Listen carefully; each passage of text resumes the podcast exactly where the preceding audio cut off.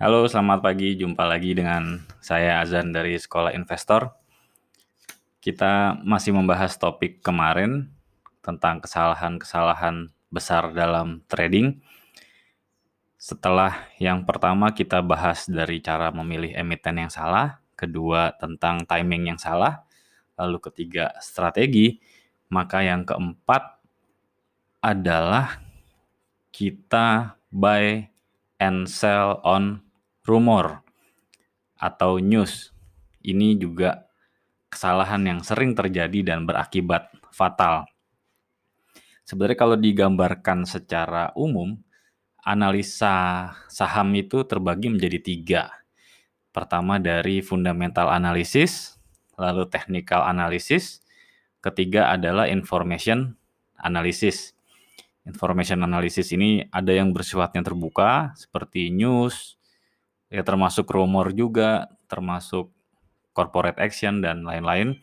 Ada juga yang tertutup, misalkan uh, semacam insider trading gitu ya. Cuma itu kan ilegal dan bisa dipidanakan malah di beberapa negara termasuk di Indonesia karena itu tidak dibenarkan lah. Nah, saya mau menjelaskan konteks bahwa rumor atau information analysis itu bisa berguna sebenarnya jika digunakan dengan cara yang tepat. Misalkan eh, saham-saham teknologi di Amerika di Nasdaq sudah menjadi penggerak bursa gitu ya. Sementara di Indonesia belum masuk sama sekali. Jadi kita sudah akan melihat tren ke depan adalah tren saham-saham teknologi termasuk e-commerce dan lain-lainnya. Sementara di Indonesia belum ada perusahaan TBK apa di bursa yang mendominasi ke sana. Ini jadi bisa kita lihat tren atau arah ke depan mungkin industri-industri retail kita lihat yang paling sigap untuk beradaptasi menuju ke sana atau banking misalkan beradaptasi menjadi payment gateway atau fintech yang sekarang lebih gampang daftar secara online dan segala macam. Kita harus melihat tren ke arah sana. Adapt or die. Jadi emiten-emiten lama yang tidak tidak catch up dengan teknologi yang rumor dan trennya sedang berkembang di sana ya, kita siap-siap untuk exit katakanlah begitu. Itu adalah cara menggunakan rumor atau atau berita news yang baik. Tapi sering kali hampir mayoritas trader menggunakannya dengan cara yang salah. Gitu ya. Atau misalkan yang contoh lain yang lebih fundamental seperti masalah energi gitu ya. Misalkan ada energi terbarukan. Nah, itu juga sesuatu yang pasti akan mendisrupsi gitu. Jadi kita berhati-hati di sektor-sektor yang akan segera meredup. Itu penggunaan rumor yang baik balik lagi ke tadi information analysis, masalah rumor atau news yang sering terjadi misalkan. Pertama, masalah dividen misalnya. Ini perusahaan ini akan membagi dividen. Itu news dan jika sudah dirilis resmi ya menjadi berita yang benar. Cuma akhirnya kita kan harus menghitung kenaikan harga saham akibat news itu sebanding nggak dengan yield dividennya begitu. Jadi intinya kadang kita udah telat untuk masuk dikarenakan hal itu.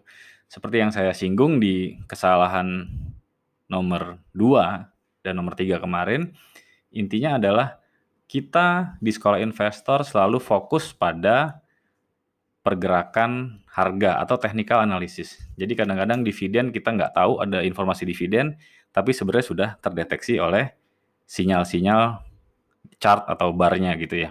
Jadi memang kita kembali fokus ke technical analysis. Termasuk kayak kemarin ada rumor akuisisi misalkan uh, eh, ICBP yang perusahaan di Timur Tengah mau diakuisisi itu juga rumor cuman akhirnya menjadi news dan resmi tapi yang mengakibatkan harga saham sempat turun dan segala macam. Jadi kalau kita fokusnya di technical analysis kita cuma melihat support, oh support tertembus berarti tidak dibeli gitu kan. Atau dia mulai reverse di titik support berarti beli gitu. Jadi sesimpel itu. Semua sudah terdeteksi oleh indikator-indikator analisa teknikal. Termasuk rumor nanti ada perusahaan stock split. Stock stock split sekarang nggak mesti saham bakal naik ya. Jadi lagi-lagi harus dilihat konteksnya dan yang paling aman dan tepat adalah melihat sinyal teknikalnya. Termasuk right issue atau IPO. Misalkan perusahaan baru IPO di harga katakanlah 300 lalu ada rumor nanti akan bergerak ke seribu segala macam. Kita tidak pernah apa memakan isu itulah bisa dibilang gitu. Kita fokus ke teknikal bahkan di salah satu parameter kita memilih emiten itu adalah umur emiten. Jadi untuk perusahaan IPO kita memang kalau untuk mau prudent di sekolah investor kita tidak trading di saham-saham IPO atau juga rumor-rumor lain misalkan di komoditas gitu ya harga emas naik gitu atau harga batu bara naik yaitu mungkin akan memberikan dampak langsung ke emitennya. Cuma lagi-lagi kita hanya melihat dari sisi teknikal fokus ke teknikal jangan berdasarkan rumor yang paling parah dan hampir nggak berhubungan adalah news seperti X diangkat menjadi menteri gitu kan ternyata X adalah founder PT XXX TBK gitu. Nah ini secara emosional sahamnya dibeli karena X menjadi menteri. Ini juga cara trading yang salah karena sama sekali tidak melihat teknikal atau fundamental.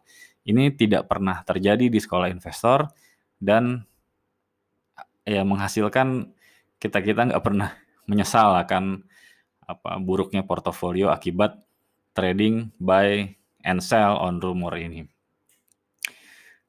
Lalu ada lagi rumor seperti kita sering mendengar istilah bandar gitu ya. Bandar bergerak sini, bergerak sana. Ini juga agak lucu dan membingungkan gitu. Memang ada term bandar untuk di luar negeri sana disebut misalkan dengan big money gitu ya. Ini ada big money bergerak ke sini ke sini dan segala macam.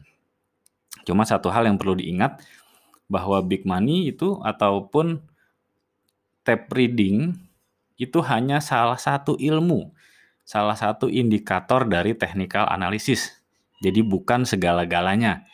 Hanya satu dari puluhan indikator yang harus kita lihat secara lengkap, secara utuh dari sebuah analisa teknikal. Dalam formula kita FC plus square, salah satunya memang menganalisa volume, volume analisis ini bulan depan kita akan mengadakan workshop khusus volume analisis. Lalu di Oktober membahas tentang tap reading. Jadi semua akan kita bahas di sini bahwa ini iya salah satu indikator tapi bukan segala-galanya. Jadi kita nggak mesti fokus dengan perkataan orang, oh bandar akan bergerak sini, bergerak sana. Kita hanya fokus di technical analysis. Gitu. Jadi itu adalah bagian dari rumor yang tidak benar. Tidak sepenuhnya benar. Jadi harus dilihat secara utuh konteks dari sinyal-sinyal yang lain. Nah, bahaya lain dari rumor atau information analysis yang salah adalah misalkan salah menafsirkan sebuah news gitu ya. Sebuah berita. Jadi misalkan beritanya apa, sebenarnya bagus gitu, tapi tafsirannya jadi salah karena kurang pahamnya kita akan konteks atau secara utuh gitu. Yang akhirnya akan menjadikan itu sentimen yang negatif. Contoh begini.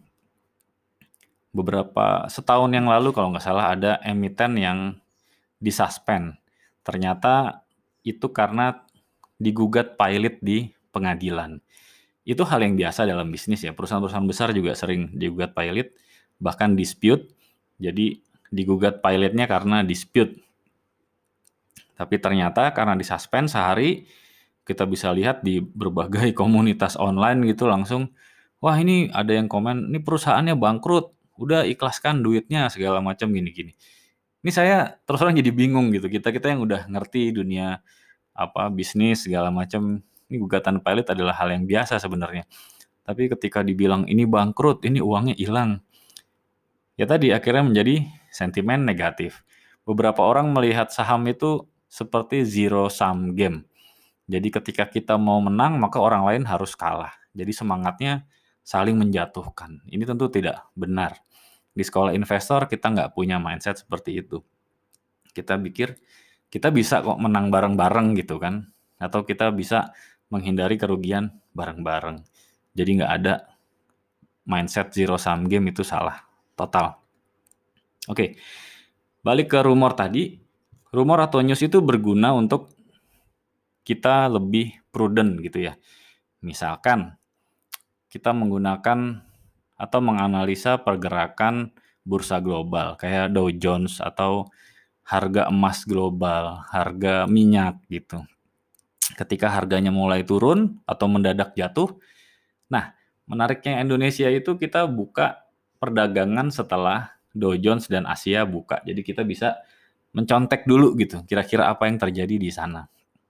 Nah, ketika harga-harga pada turun, jatuh mendadak gitu, itu bisa jadi alarm kita, lampu kuning untuk oke, okay, tadinya kita trading plan mungkin hari ini mau beli karena teknikal Indonesia bagus, tapi ternyata ada hal-hal yang mendadak kejadian misalkan the Fed apa menaikkan suku bunga atau data pengangguran Amerika meningkat atau perang dagang Amerika Cina jadinya membuat semua bursa goyang, kita bisa menjadikan itu untuk lebih prudent untuk katakanlah membatalkan bid kita di pagi itu itu boleh. Atau siap-siap untuk menjual saham-saham kita yang sudah profit. Tapi untuk membeli itu agak kita masih wait and see dulu. Jadi itu fungsinya rumor atau news untuk prudent, tapi bukan untuk membeli Contoh kayak tadi ketika seorang diangkat menjadi menteri kita beli gitu. Nah, itu udah hal yang salah dan jauh dari sifat prudent. Oke, jadi kebayang ya eh, hal-hal yang menyesatkan dari rumor atau news. Tipsnya gimana? Sama sebenarnya seperti biasa. Tips biar nggak kejebak di poin ini adalah pertama belajar teknikal analisis yang baik. Karena seperti saya ulang-ulang sebelumnya, semua kejadian dari news, rumor, termasuk insider trading segala macam akan tergambar dari chart, dari pergerakan harga, dari analisa teknikal semua tergambar. Jadi sebenarnya secara kasar kita tidak perlu lagi dengar berita dan segala macam. Tapi kita fokus ke technical analisis. Makanya diperdalam dengan baik. Kedua, tipsnya fokus dengan strategi dan trading plan yang sudah kita siapkan.